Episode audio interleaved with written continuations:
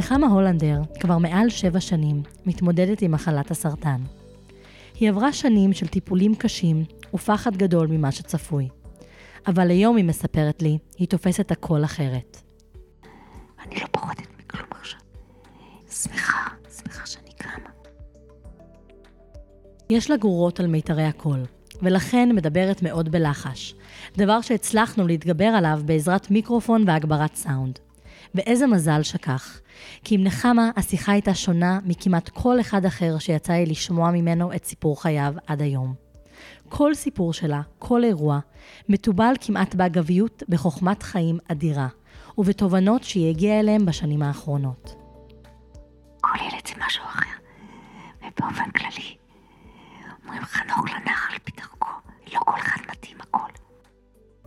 לא לפחד לתת מהזמן שלך למישהו אחר, לא לפחד לתת מעשרות. היא חלמה בילדותה להיות חווה אלברשטיין, ולא סתם. אבא שלה היה המורה שלי. הוא היה מביא לי תמונות שלה, הוא היה כותב לי, באהבה, אלברשטיין.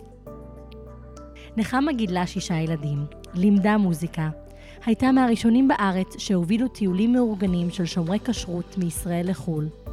הילדים שלה ידועים בחוש ההומור שלהם, היא תספר לי, ובכישרון כתיבה. ואני לא התפלאתי. פורצים מנחמה סיפורים חינניים בשטף. מעניין להקשיב לה, מצחיק מדי פעם, מרגש ובעיקר מאוד מאוד מעשיר. מילדה שלמדה מההורים שלה, כיבוד הורים אבסולוטית מהו, לנערה שחלמה להיות זמרת מפורסמת, לאימא צעירה עם ילדים פצפונים, שלוקחת קבוצות של תיירים דתיים ומלאים במניירות לכל רחבי אירופה, ומאוחר יותר, לסבתא אהובה, אלופה בסידורי פירות, ואישה עצומה שהצליחה לראות במחלה שלה טוב שבהסתרה, ולהוציא משנים של טיפולים בשל קושי, שמחה, חיזוק של מערכות יחסים, והמון המון חוכמה. זהו סיפורה של נחמה הולנדר.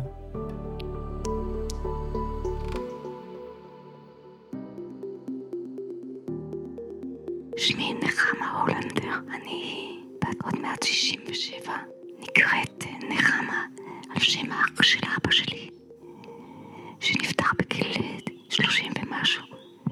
הוא היה נכה בעקבות אה, משחק של ילדים ששיחקו איתו ומחצו לו את הכתפיים. הוא היה כל חייו נכה. זהו, יש לנו שתי נחמות במשפחה. נחמה גדולה ונחמה קטנה שזה אני. אבא שלי נולד בעיירה דמיטובקה שבפולין, על גבול רוסיה, היום היא אוקראינה. סבא שלה החליט לעלות עם אשתו וארבעת ילדיו לישראל. הבן הבכור היה אז בן 14, והצעיר, אבא של נחמה, בן 4. אנשים שעליי העיירה מאוד ריחמו עליהם. איך בן אדם נורמלי לוקח ארבעה ילדים בקור, לוקח אותם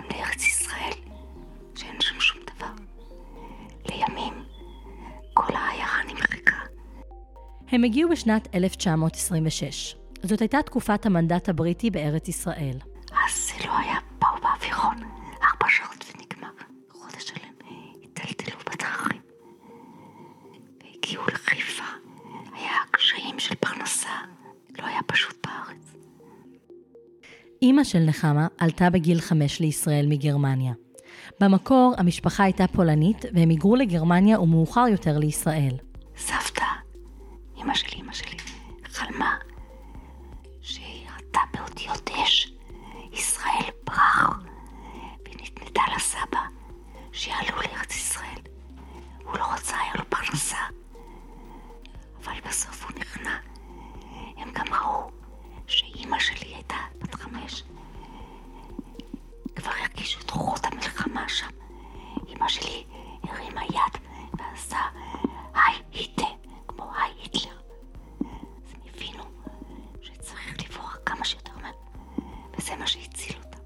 הם עברו לגור בפרדס חנה. גם החיים היו קשים. לא היה פרנסה. אמא שלי בת יחידה.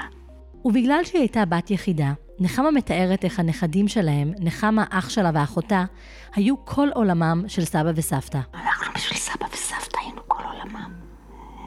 אנחנו גרנו, עברנו לגור בקריית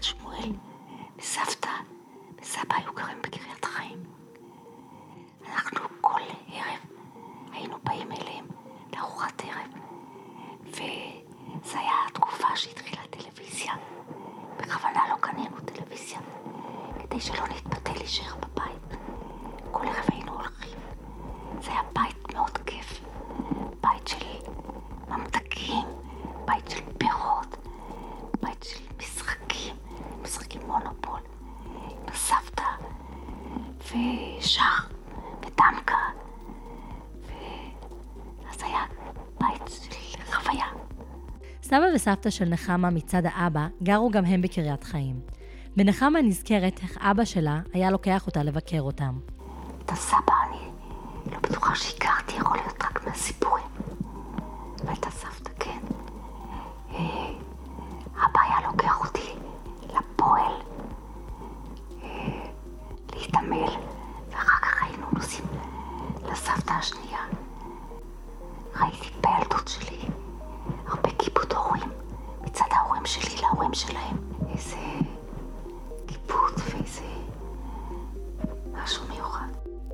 נחמה נזכרת איך סבים וסבתות, שהיו גם בחיים וגם בארץ, לא היה דבר נפוץ בשכונה שלהם. סבים וסבתות לא היו כמעט לאף אחד.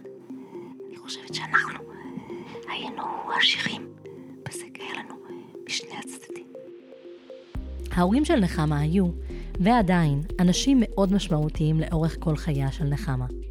אבא שלה, אריה, היה המפרנס של הבית, אבל מפעל חייו לא היה העבודה אליה יצא בכל בוקר. אבא שלי היה אה, מנהל מחלקת השומה בעיריית חיפה. זה מה שהוא עבד ביום-יום. אבל מה שהוא עשה, הוא כתב אה, פרשנות לחמישה חומשי תורה, אה, שיחות לפרשות שבוע. זה לא שהוא המציא את הפרשנות, אבל הוא רכז את זה לפי נושאים. הוא היה נותן בשבת אה, הרצאה בבית כנסת על פרשת שבוע. הוא חלם להוציא את זה. הוא היה במגע עם חברת כתר. זה לא הסתייע. אנחנו הילדים עוד רוצים להוציא. זה היה ממש מפעל חייו. הוא היה גם מלמד ילדים חילונים את קריאת ההפטרה לקראת בר המצווה שלהם. ונחמה כילדה ידעה יותר טוב מהם את ההפטרות. הוא היה מלמד ילדים לבר מצווה, ילדים חילונים. הם היו סעיפנים, ואני כבר ידעתי את, את ההפטרה שלהם בעל פה. הם היו נראים לי כאלה גדולים, בני 13, וואו. מכיוון שאריה היה איש מאוד חרוץ ועסוק, זה הפריע לו שנחמה בתו לא מתעוררת בזמן לבית הספר. ולכן, יום אחד הוא ניצל את כישורי הכתיבה שלו וכתב לה שיר באותו עניין. אבא שלי היה איש מאוד מאוד חרוץ. היה קם בארבע בבוקר. בחמש היה כבר מסיים את התפילה, היה נוסע לחיפה לעבוד, היה חוזר הביתה, נח ולומד וכותב. ואני בתור ילדה, גרנו ליד בית הספר, ממש ליד בית הספר, והייתי אפילו מאחרת, בגלל שאהבתי לקום מאוחר. ואבא כתב לי שיר, אורי, אורי,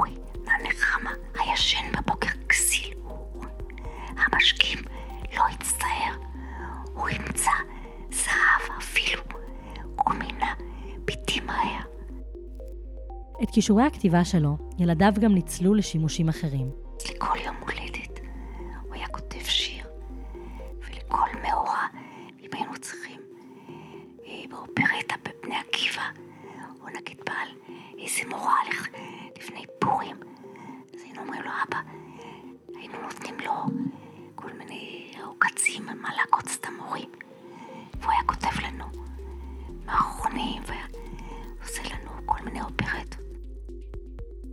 נזכרת בו גם כדייקן מאוד, שדרש ממנה ומאחיה להצטיין בכל.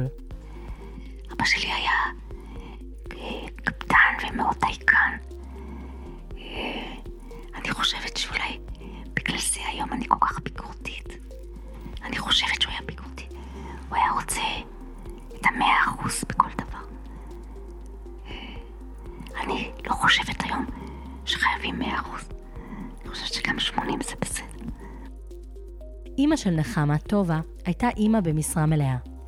אמא שלי הייתה עקרת בית. אבא רצה שהיא תהיה בבית ותגדל את הילדים. לפני החתונה היא כן עבדה, אבל התחתנה בגיל מאוד צעיר. התחתנה בגיל 18, בגיל 19 הייתה כבר אימא גידלה אותנו. טובה הייתה קוראת להם סיפורים רבים בילדות, ונחמה נזכרת בשעות אלו בערגה. דרך אותם סיפורים, היא אפילו הצליחה ללמד את אח של נחמה, אברימי, שהתקשה בקריאה להתחיל לקרוא. במיוחד אמא הייתה מספרת לנו סיפורים, במיוחד כשהיינו חולים. זה היה הכי, הימים הכי כיפים. שכשאתה מרגיש טוב, כשאתה חולה, כשאתה לא מרגיש טוב זה לא נעים. כשאתה מרגיש טוב, ואמא יושבת, מספרת לך סיפורים ארוכים של לימן. זה היה ממש כיף. אחי, לקח לו הרבה זמן לדעת לקרוא. ובאיזשהו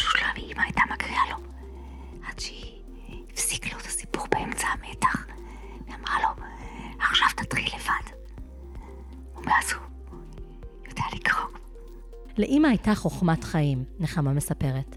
חוכמת חיים ואופטימיות שמאפיינת אותה עד היום.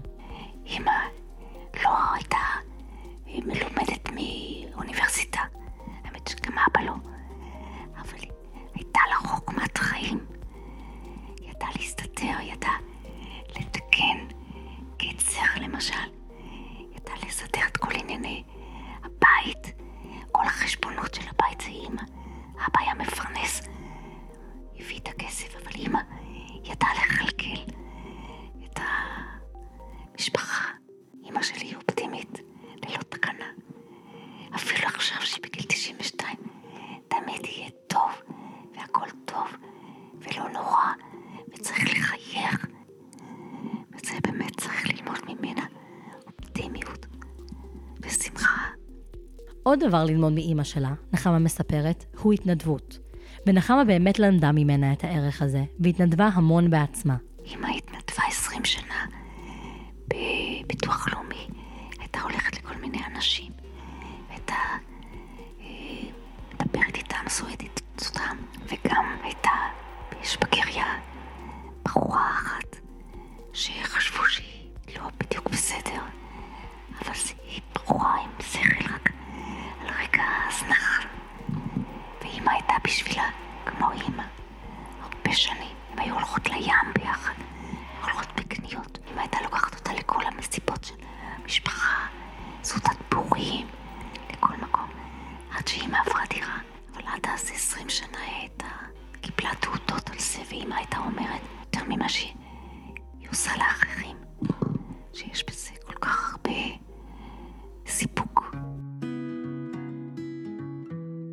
לנחמה שני אחים, שרה, שגדולה ממנה בחמש שנים, ואברימי שקטן ממנה בשלוש שנים.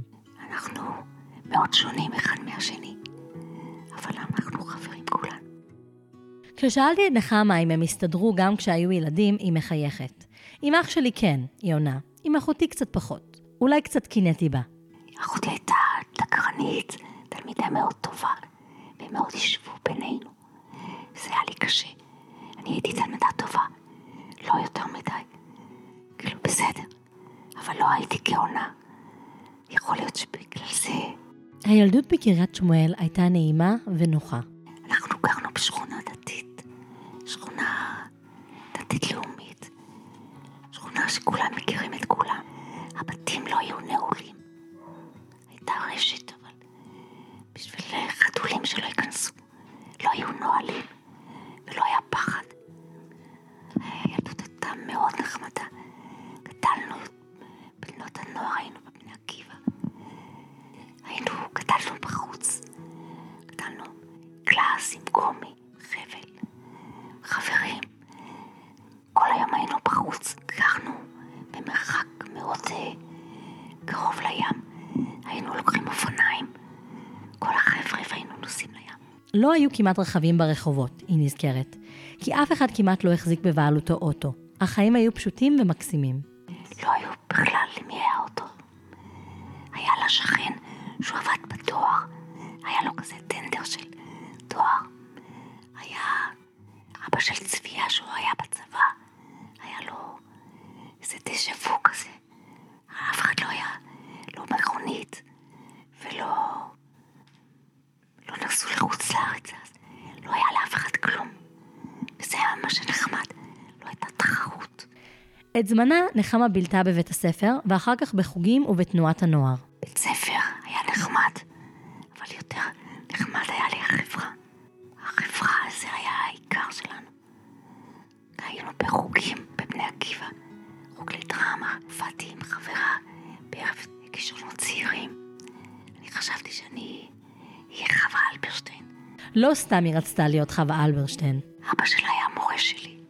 הוא היה מביא לי תמונות שלה, הוא היה כותב לי, באהבה, אלברשטיין. נחמה השתתפה בחוגים רבים בילדות, וקיבלה העשרה בתחומי מוזיקה, אומנות וספורט.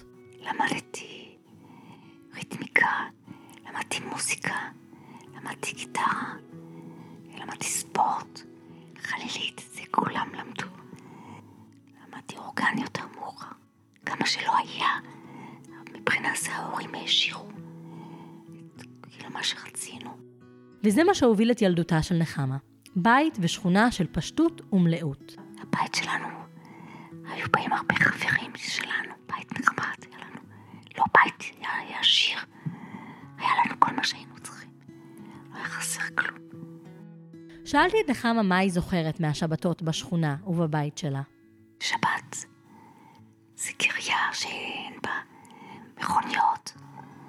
אה, נחמד, ארוחות שבת, חברים שבאים. אה, אבא כל יום שישי היה קונה לנו תמונות חלקות. זה היה מין אוספים של פעם, כמו אוסף מפיות. זה היה תמונות כאלה של כל מיני פיות ומלאכים וגמדים. זה היה לנו, מה זה כיף? היה לנו אלבומים כאלה.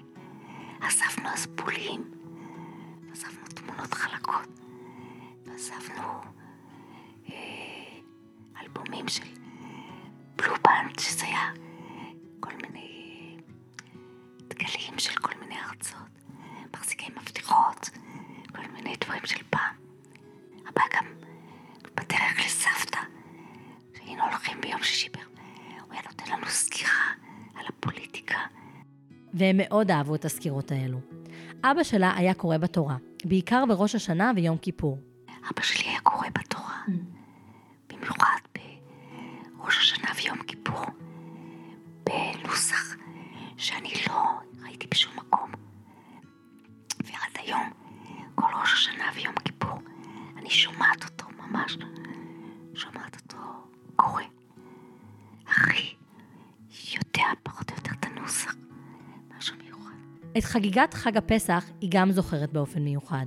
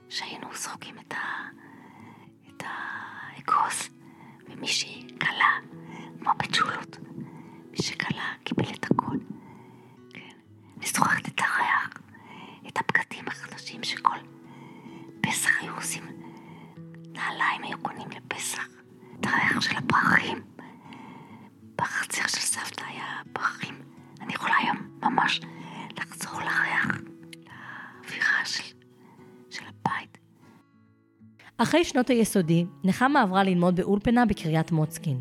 היה לנו כיף. יותר מה, מההוואי, מהחברות, מאשר מהלימודים, אבל גם הלימודים היו בסדר. לימודים, טיולים. ואחרי האולפנה היא מתגייסת לנחל.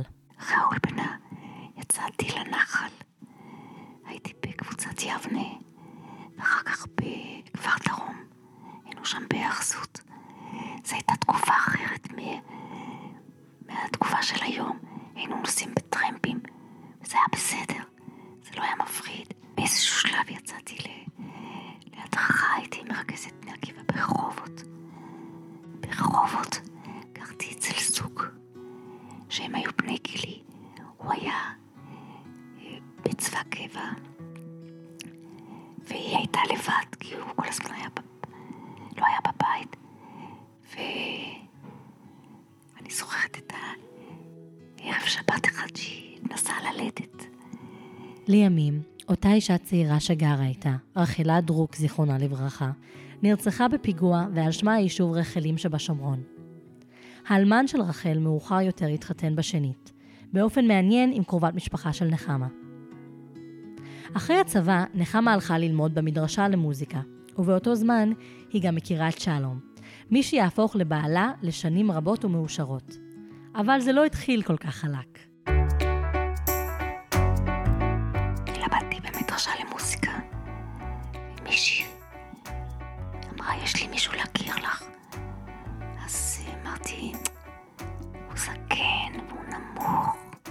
שלום גדול ממנה בשבע שנים.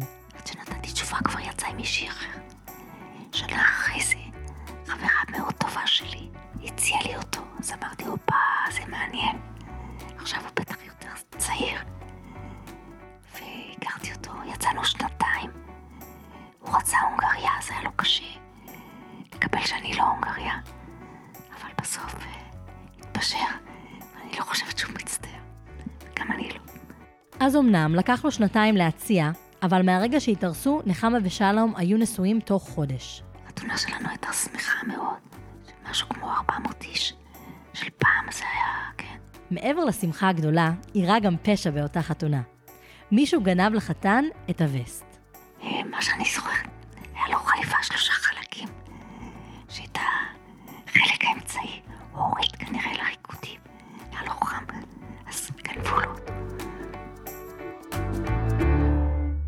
אחרי החתונה, נחמה ושלום קובעים את ביתם בפתח תקווה, ונחמה מתחילה ללמד מוזיקה. אני ניגנתי על אורגן, על גיטרה, לימדתי גם. הייתי מורה למוזיקה בבית ספר, ואחר כך בקונסרבטוריום גם כן. לנחמה ושלום נולדו שישה ילדים, והם בנו את ביתם כבית פתוח ומזמין. יש לנו שישה ילדים, כל אחד שונה מהשני, כל אחד משהו אחר, בית שמח, בית פתוח, תמיד היו חברים שבאים, שבתות, אירחנו הרבה. על אף השונות בין ילד לילד, יש גם כמה תכונות וכישורים שמאפיינים את כל השישה, נחמה מספרת לי. הילדים שלי, יש להם חוש הומור, הם טוענים שלא יודעים מאיפה, כי הם לא חושבים שזה ממני, ולא מאבא. אה, כן, ילדים מצחיקים. הם ילדים יוזמתיים, יש להם רעיונות, ילדים טובים, ילדים מאוד משפחתיים, מקוריים מאוד, רעיונות, כותבים כולם. כנראה קיבלו את, ה... את הגנים של סבא, אריה. כולם כותבים. אני מבקשת מנחמה לספר לי משהו שמייחד כל אחד מילדיה, והיא מדברת עליהם בגאווה ובנחת. ישי הוא הבכור, מאוד מקורי, יודע לנגן, הוא תמיד יהיה לו איזה רעיון, הוא גם עצה טובה, גם אתה יכול להתייעץ איתו. אני חושבת שכל ילד שלי רואה בו דמות. שאפשר להתייעץ, אפשר לקבל עצה טובה ועידוד, וזה ישי. דורון הוא הבן השני, יש לו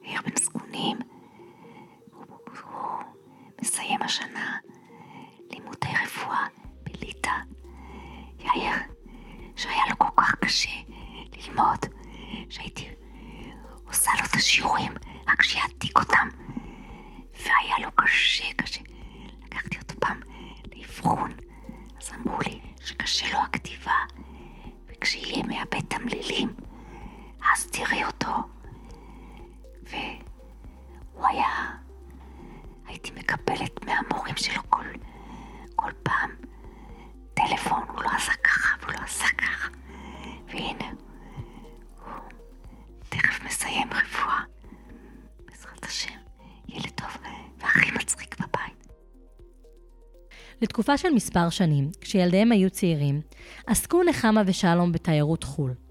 היה קשה מאוד וגם חווייתי מאוד, נחמה מספרת לי. עבדנו הרבה שנים בתיירות חו"ל. היינו הראשונים שהפעלנו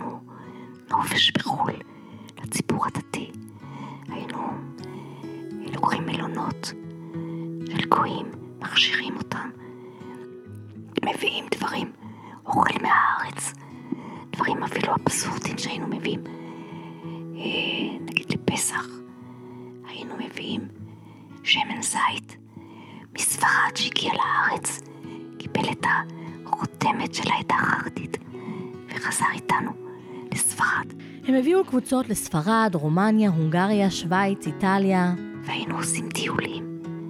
עשינו, נגיד, פעם מהונגריה, בתשעת הימים נסענו לפולין, שלושה ימים. אז לקחתי איתי את איילה, והיא הייתה אז בת עשר. לימים היא אמרה לי, אמא, מה חשבת? שלקחת אותי אז באושוויץ לראות את כל הנעליים ואת כל הדברים. מה חשבת שאני לא אהיה זכותה? לא חשבתי על זה. אז חשבתי, זו הזדמנות. איפה יצא עוד? להגיע לשם. אז עוד לא היה טיולים פה מהבתי ספר. הילדים היו טסים איתנו כל פסח, קיץ וסוכות. הם ראו עולם. ראו, היו הרבה, הרבה טיולים. אבל הם לא חושבת שידעו להעריך את זה. הם חשבו שהם מפסידים את הנופש בארץ עם החברים שלהם, וגם לא היה לנו זמן אליהם. הם היו נרתמים באיזה קומה במלון, ואנשים היו מביאים אותם לחדר. הם היו, אולי בגלל זה הם כל כך עצמאיים. שאלתי את נחמה אם היא אהבה את העיסוק בתיירות חו"ל בשנים האלו. פרנסה מאוד קשה. קודם כל, לשרת אנשים זה לא פשוט. גם אפילו לשטח אותם בשולחן, לפי סוגים של דתיים. היו כאלה חסידים, היו כאלה חרדים, היו כאלה כיפות סרוגות. כאילו מי יישב עם מי, עם מישהו עם כיסוי ראש, או בלי כיסוי ראש, שלא תשב עם זה.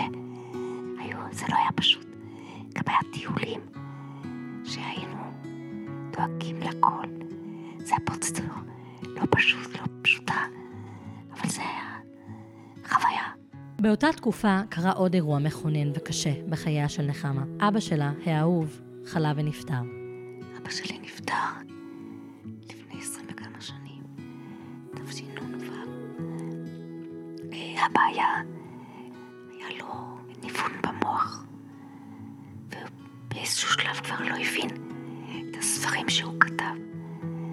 זה היה מחמיר לראות את זה, אבל מה שטבוע בבן אדם,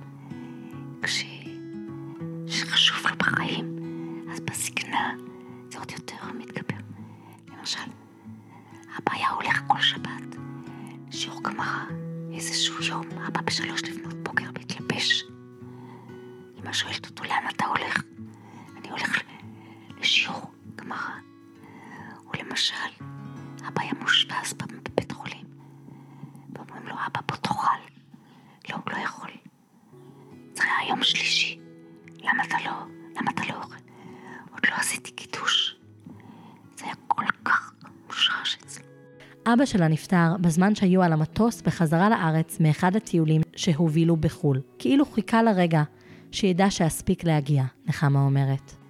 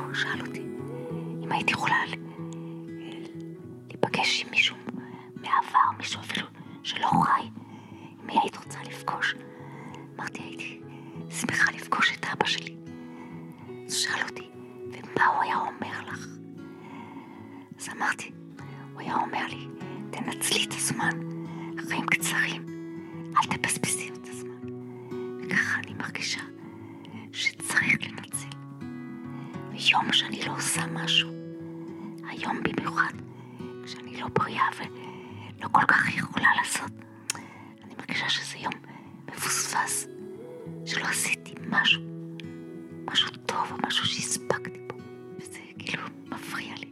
שומעת את אבא פה, לא לבזבז את הזמן. נחמה גילתה כישרון שהיה חבוי בה רק אחרי שאבא שלה נפטר. אבא שלי היה חשבתי שאני יודעת לכתוב. המורה בכיתה ג' היא באמת אמרה שאני כותבת חיבורים מאוד יפים, אבל אני שונאת לכתוב. אבל אחרי שאבא שלי נפטר, גיליתי שאני גם יודעת לכתוב בחרוזים, ולפעמים אני, אם אני כותבת, אני לא כותבת הרבה, ואם אני כותבת אני מרגישה שלא אני כתבתי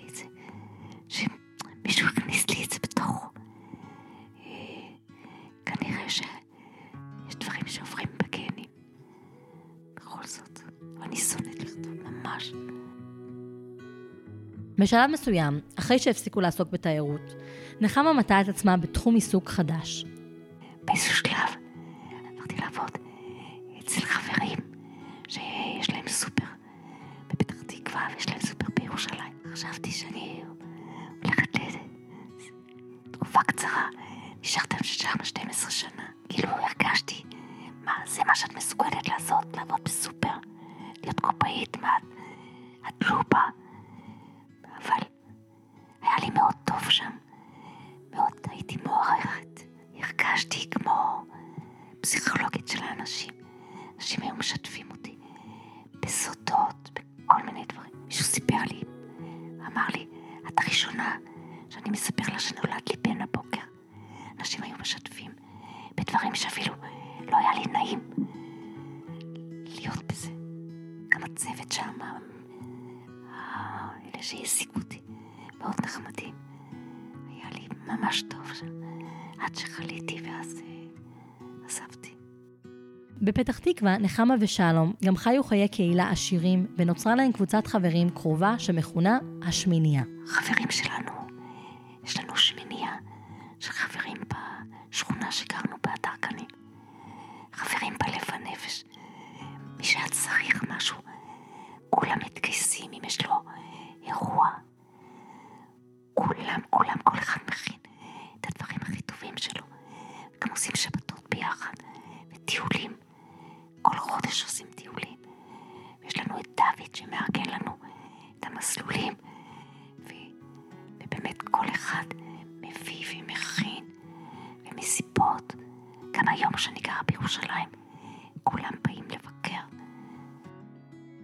חברים זה נדבך חשוב מאוד בחיים, נחמה אומרת לי, וחשוב לרכוש אותם בגיל צעיר ולהשקיע בחברות.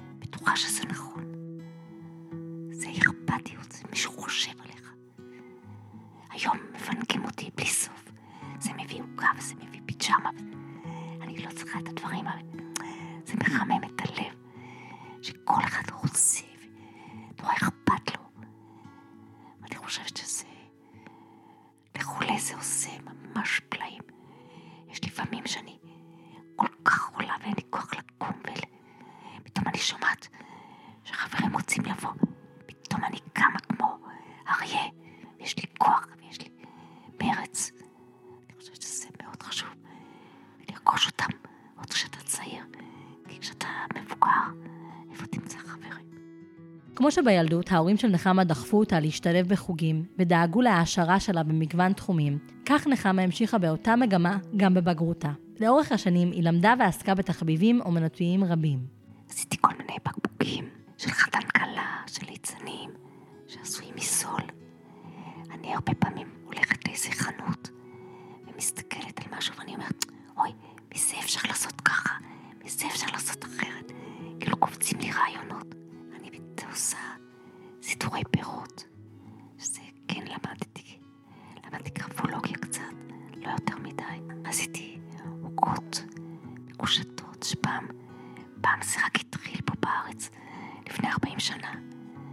הבאתי תבניות מחו"ל, זה לא כמו היום שיש בכל מקסטוק יש כאלה. אז זה היה נדיר. ועם צבעי מאכל, לילדים שלי באמת הייתי עושה עוגות גם מכרתי. עוגות של לפני 40 שנה, שילמו לי 300 שקל על עוגה. מבין כל תחביבייך, מה היה האהוב עלייך ביותר? שאלתי אותה. את הפירות. כי הפירות הם כל כך יפים, בלי שתעשה כלום. הצבעוניות שלהם, היופי. אני אוהבת ללכת לשוק רק בשביל לראות את הצבע. פירות מילדות אני אהבתי גם לסדר.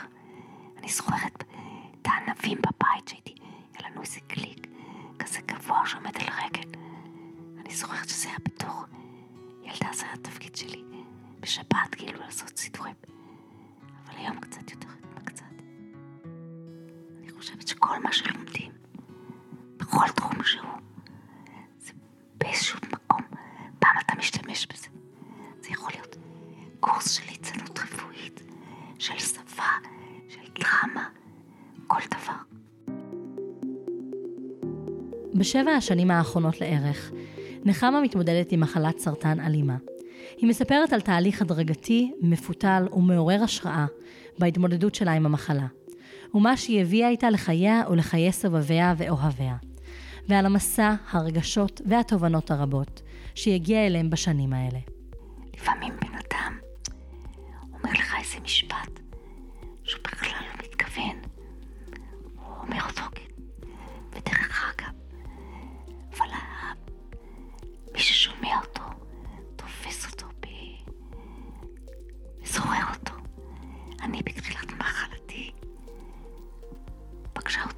ואמרה לי, תקשיבי נחמה, את לא הולכת למלחמה, את הולכת להחלמה. המשפט הזה יושב לי פה, ותגיד שבעלי אומר, שואלים אותו איך נחמה מרגישה, אז הוא יגיד, היא שורדת. אני לא אוהבת את המשפט הזה, כי אני לא שורדת. אני חיה. למשל, אמרה לי חברה, את יודעת למה אנחנו לא מרחמים עלייך? כי את לא מרחמת על עצמך. המשפט הזה עשה לי כל כך טוב, שאני אני באמת לא רוצה שירחמו עליי. כל פעם אני, כל פעם שהייתי מקבלת איזה סיטי חדש עם איזה רוח חדשה, הייתי נכנסת ללחץ. היום אני יודעת שהמצב, שהמצב לא טוב ואין מה לעשות. אבל uh, היום אני יותר שלווה, ואני אני פעם פחדתי למות. כאילו, מה פחדת? פחדתי שאני אהיה לבד.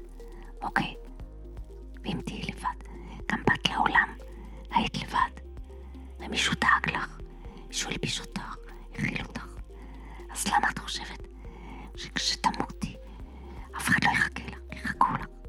היום אני שלמה עם המצב וחיה אחרת, נחמה אומרת לי, וקמה כל יום עם חיוך על זה שקמתי. אני שלמה עם זה שהכל טוב, שכמה ימים שייתן לי, תשמחי בהם. וטוב ונחמד,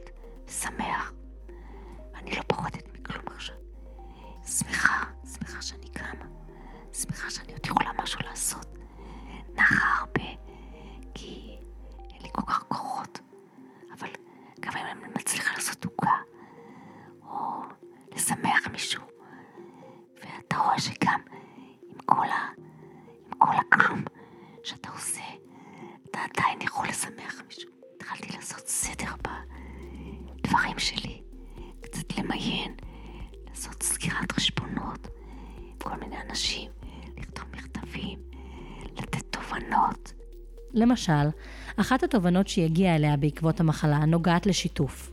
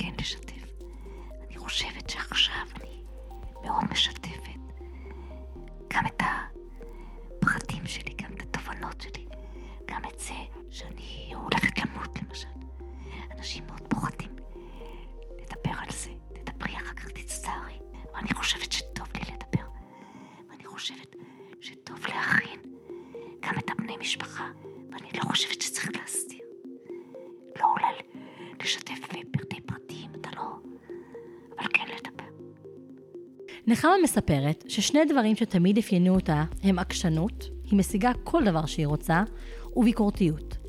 נושא הביקורתיות כבר הפך לבדיחה בבית, גם מצידה. אבל כשהיא מתבוננת באספקט הזה מתוך חוכמת החיים הרבה שצברה, יש לה מסר ברור למה כדאי לעבוד קשה, לא להיות ביקורתי. כשאני רוצה משהו, אני בדרך כלל משיגה, בדרך כלל, לא תמיד תמיד, אני מאוד עקשנית. טוב ולא טוב. צד אחד, נגיד, אני ארצה שיקחו, דוגמה מטומטמת, שיקחו את הפח. אז הם יגידו לי, טוב, כשנצא ניקח.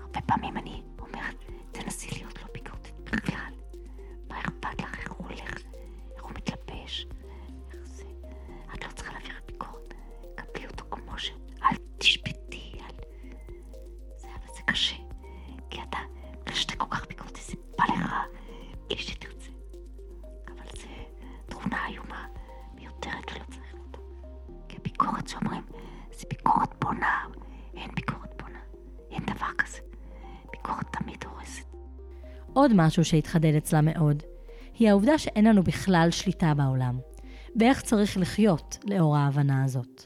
חשבתי כל הזמן שאני יכולה לשלוט. אני יכולה לשלוט מה ייתנו לאכול הנכדים, ומה הילדים שלי יתנהגו, ואיך הילדים שלי ייראו, ומה הם ילבשו, ושילכו בשבת עם חולצה לבנה, כל מיני דברים שהם כל כך חסרי חשיבות. הנשמה שלי במיוחד מבינה שאין לך שליטה על כלום בעולם הזה. לא על עצמך, בטח לא על הילדים שלך, לא על הסביבה שלך.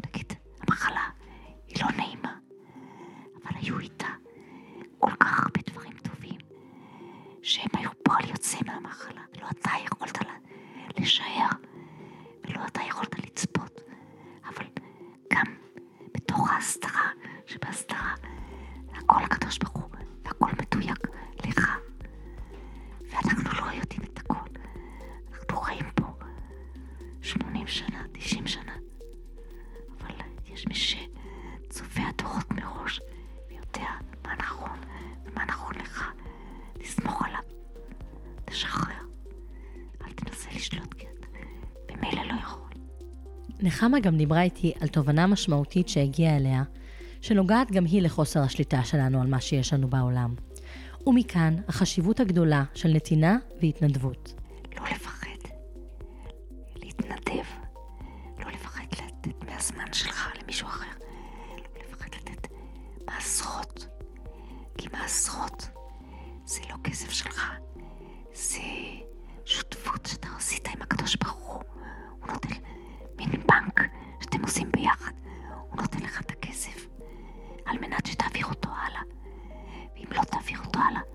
ייקח את זה ממך וייתן למי שכן נותן. או שייקח את זה ממך בדרך יותר כואבת.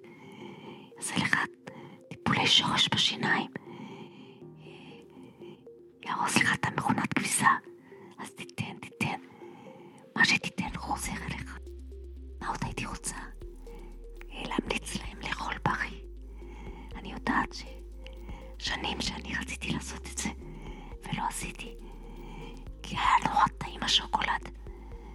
אבל אה, אני היום יודעת, כשאתה מכבד את הגוף שלך ונותן לו דברים טובים, הוא מכבד אותך, הוא מחזיר לך. נחמה לאורך כל השיחה שלנו שיתפה דברי חוכמה ותובנות בתחום ההורות. יש טעויות שעשיתי, היא תגיד לי.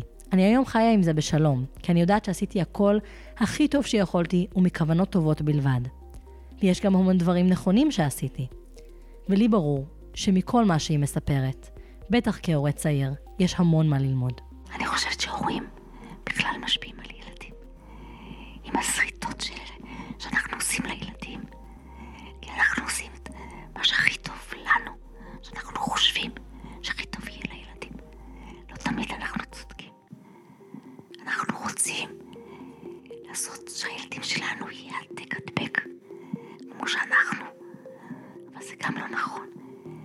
כי כל ילד יכול לבחור את הבחירות שלו, את האמונות שלו, את הדרך שלו. אנחנו לא צריכים להשתלט עליו.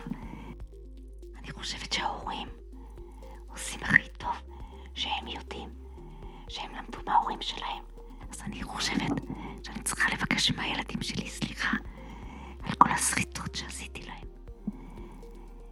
אבל זה לא שריטות שעשיתי בכוונה, כי חשבתי שזה הכי טוב בשבילם. אבל אתה אף פעם לא יודע מה משפט שאתה אומר להם עושה להם בנפש. אבל אתה לא יודע על קנאה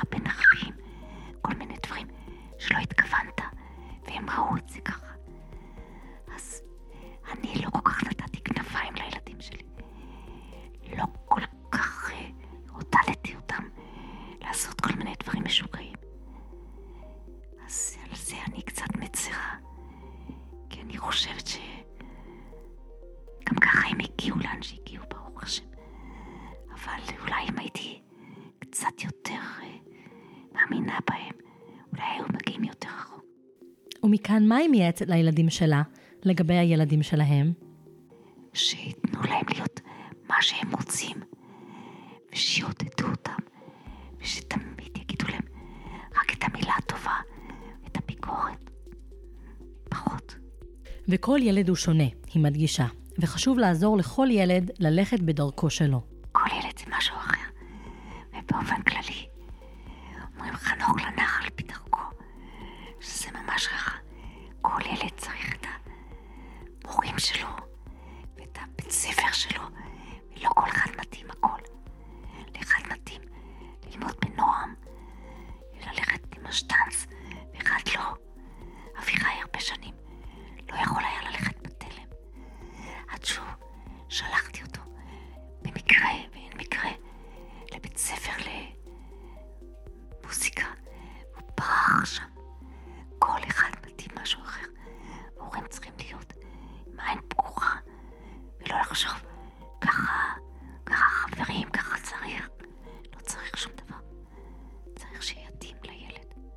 עניין חשוב, להשקיע אנרגיה בהורות במקומות הנכונים. איך אמרה לי פעם מישהי? הילדים שלך לא יזכרו. אם התריס היה נקי, הם יזכרו אם ישבת איתם, סיפרת להם סיפור, אם התייחסת אליהם. זה נכון. גם על זוגיות דיברנו. נחמה מספרת על שנות נישואים רבות ומאושרות עם שלום בעלה.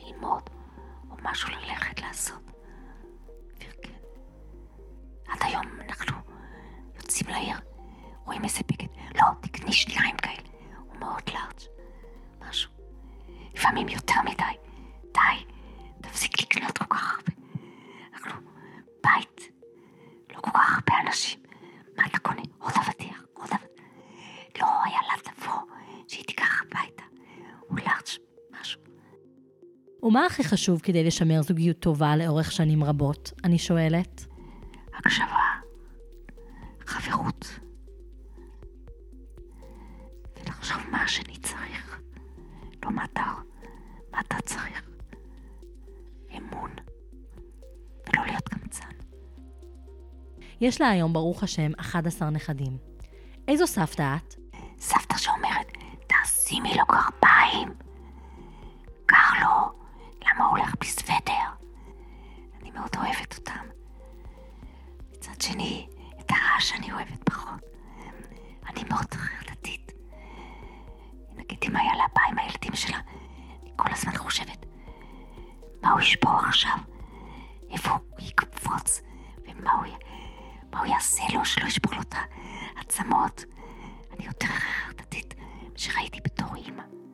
ואז היא סיפרה לי עליהם בחיוך גדול וגאה. איתן, נכד שלי, שיודע לבשל ואוהב לבשל.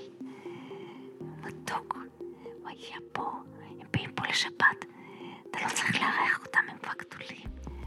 ויודעים להתרקן, ויודעים לתת אה, פורט בפרשת שבת.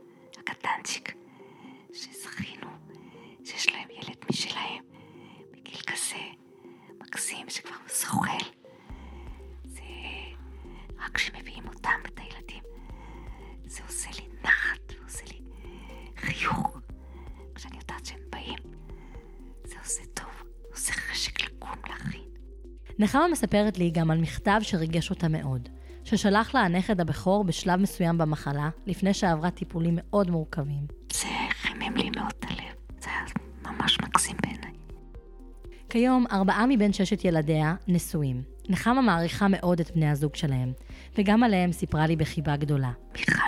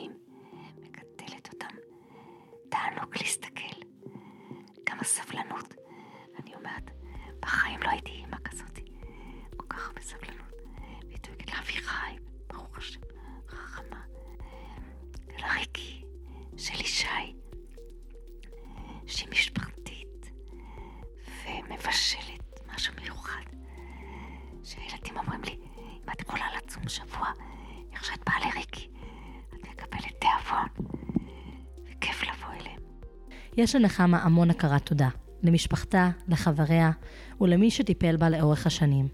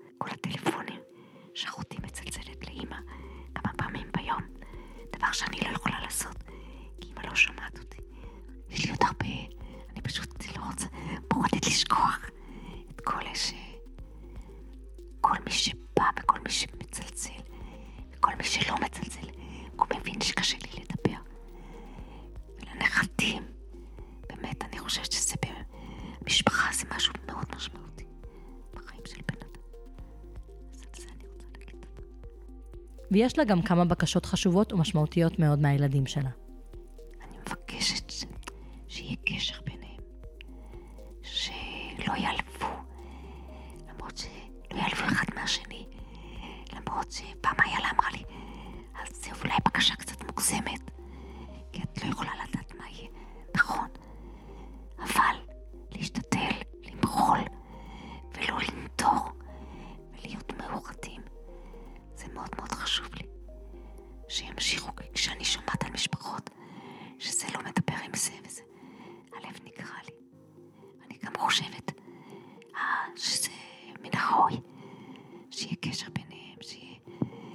שהוא יצטרך עזרה, כולם יעזרו לו. אני בטוחה בזה. מבקשת, למרות שאני יודעת שיעשו את זה גם בלי בקשה, שידאגו לאבא שלהם. שאבא, בעלי כל כך דואג להם כל הזמן.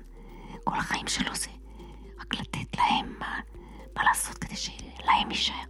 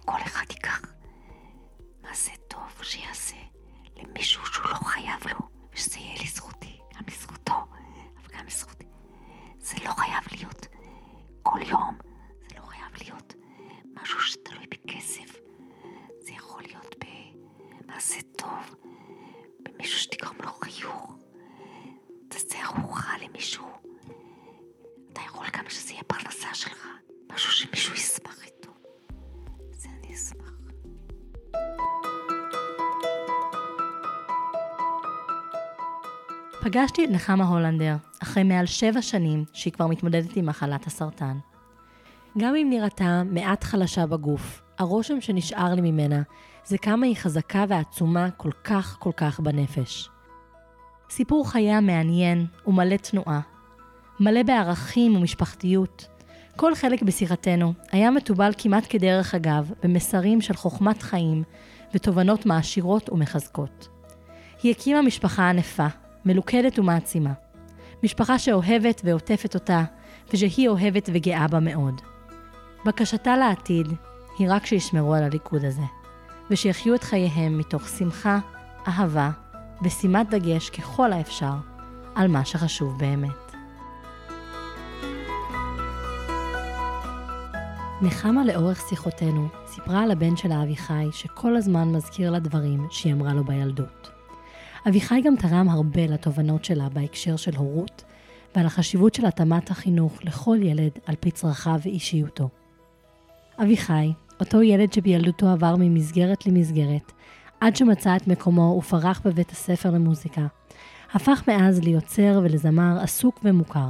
לפני כשנתיים הוא כתב והלחין שיר על אימא שלו, ולפני מספר חודשים אסף את חמשת אחיו וכמה מהאחיינים, והם הלכו להקליט אותו. שלחו לי את השיר כשאני, אחרי השיחות שזכיתי לקיים עם נחמה, הייתי עסוקה בליצור פודקאסט שמספר את סיפור חייה מזווית העיניים שלה. ואחרי ששמעתי אותו, היה לי ברור שאין דרך יותר מתאימה לסיים את סיפורה מאשר בשיר, בקולות ילדיה, שמספר איך כל מה שהיא התכוונה להנחיל להם הגיע והופנם, וכל מה שרצתה לתת התקבל ובאהבה. אמא, מילים ולחן אביחי הולנדר. הילדים שלך מזמן פרסו כנפיים, אך מבקשים עוד יד, כמה הם צריכים אותך ליד. כשאת חיה בין תקווה ובין שמיים, זכרי את לא לבד, זכרי את כאן עדיין. וכולנו פה לשיר לה. נה נה נה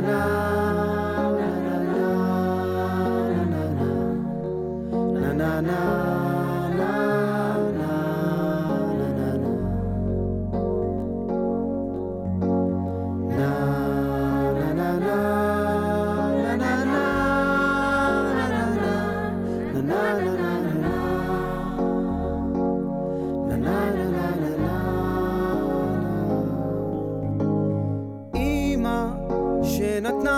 את המנגינות.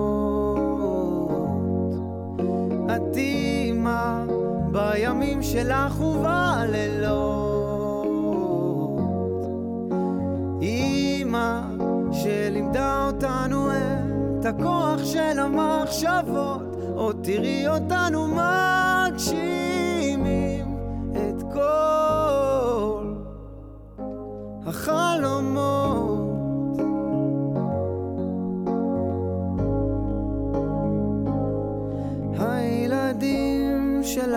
מזמן קפצו למים, כל אחד מהם מוצלח, וכולם אוהבים אותך. הילדים שלך למדו ממך דבר או שניים, שגם כשזה כואב,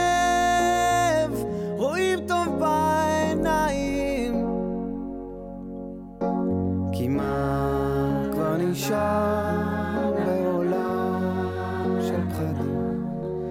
אהבה של ילדים. כמה עשית, הם רואים זאת תמיד, ואומרים בפה אחד, נהיה איתך לעד. שנתנה לנו את המנגינות. את אימא בימים שלך ובלילות.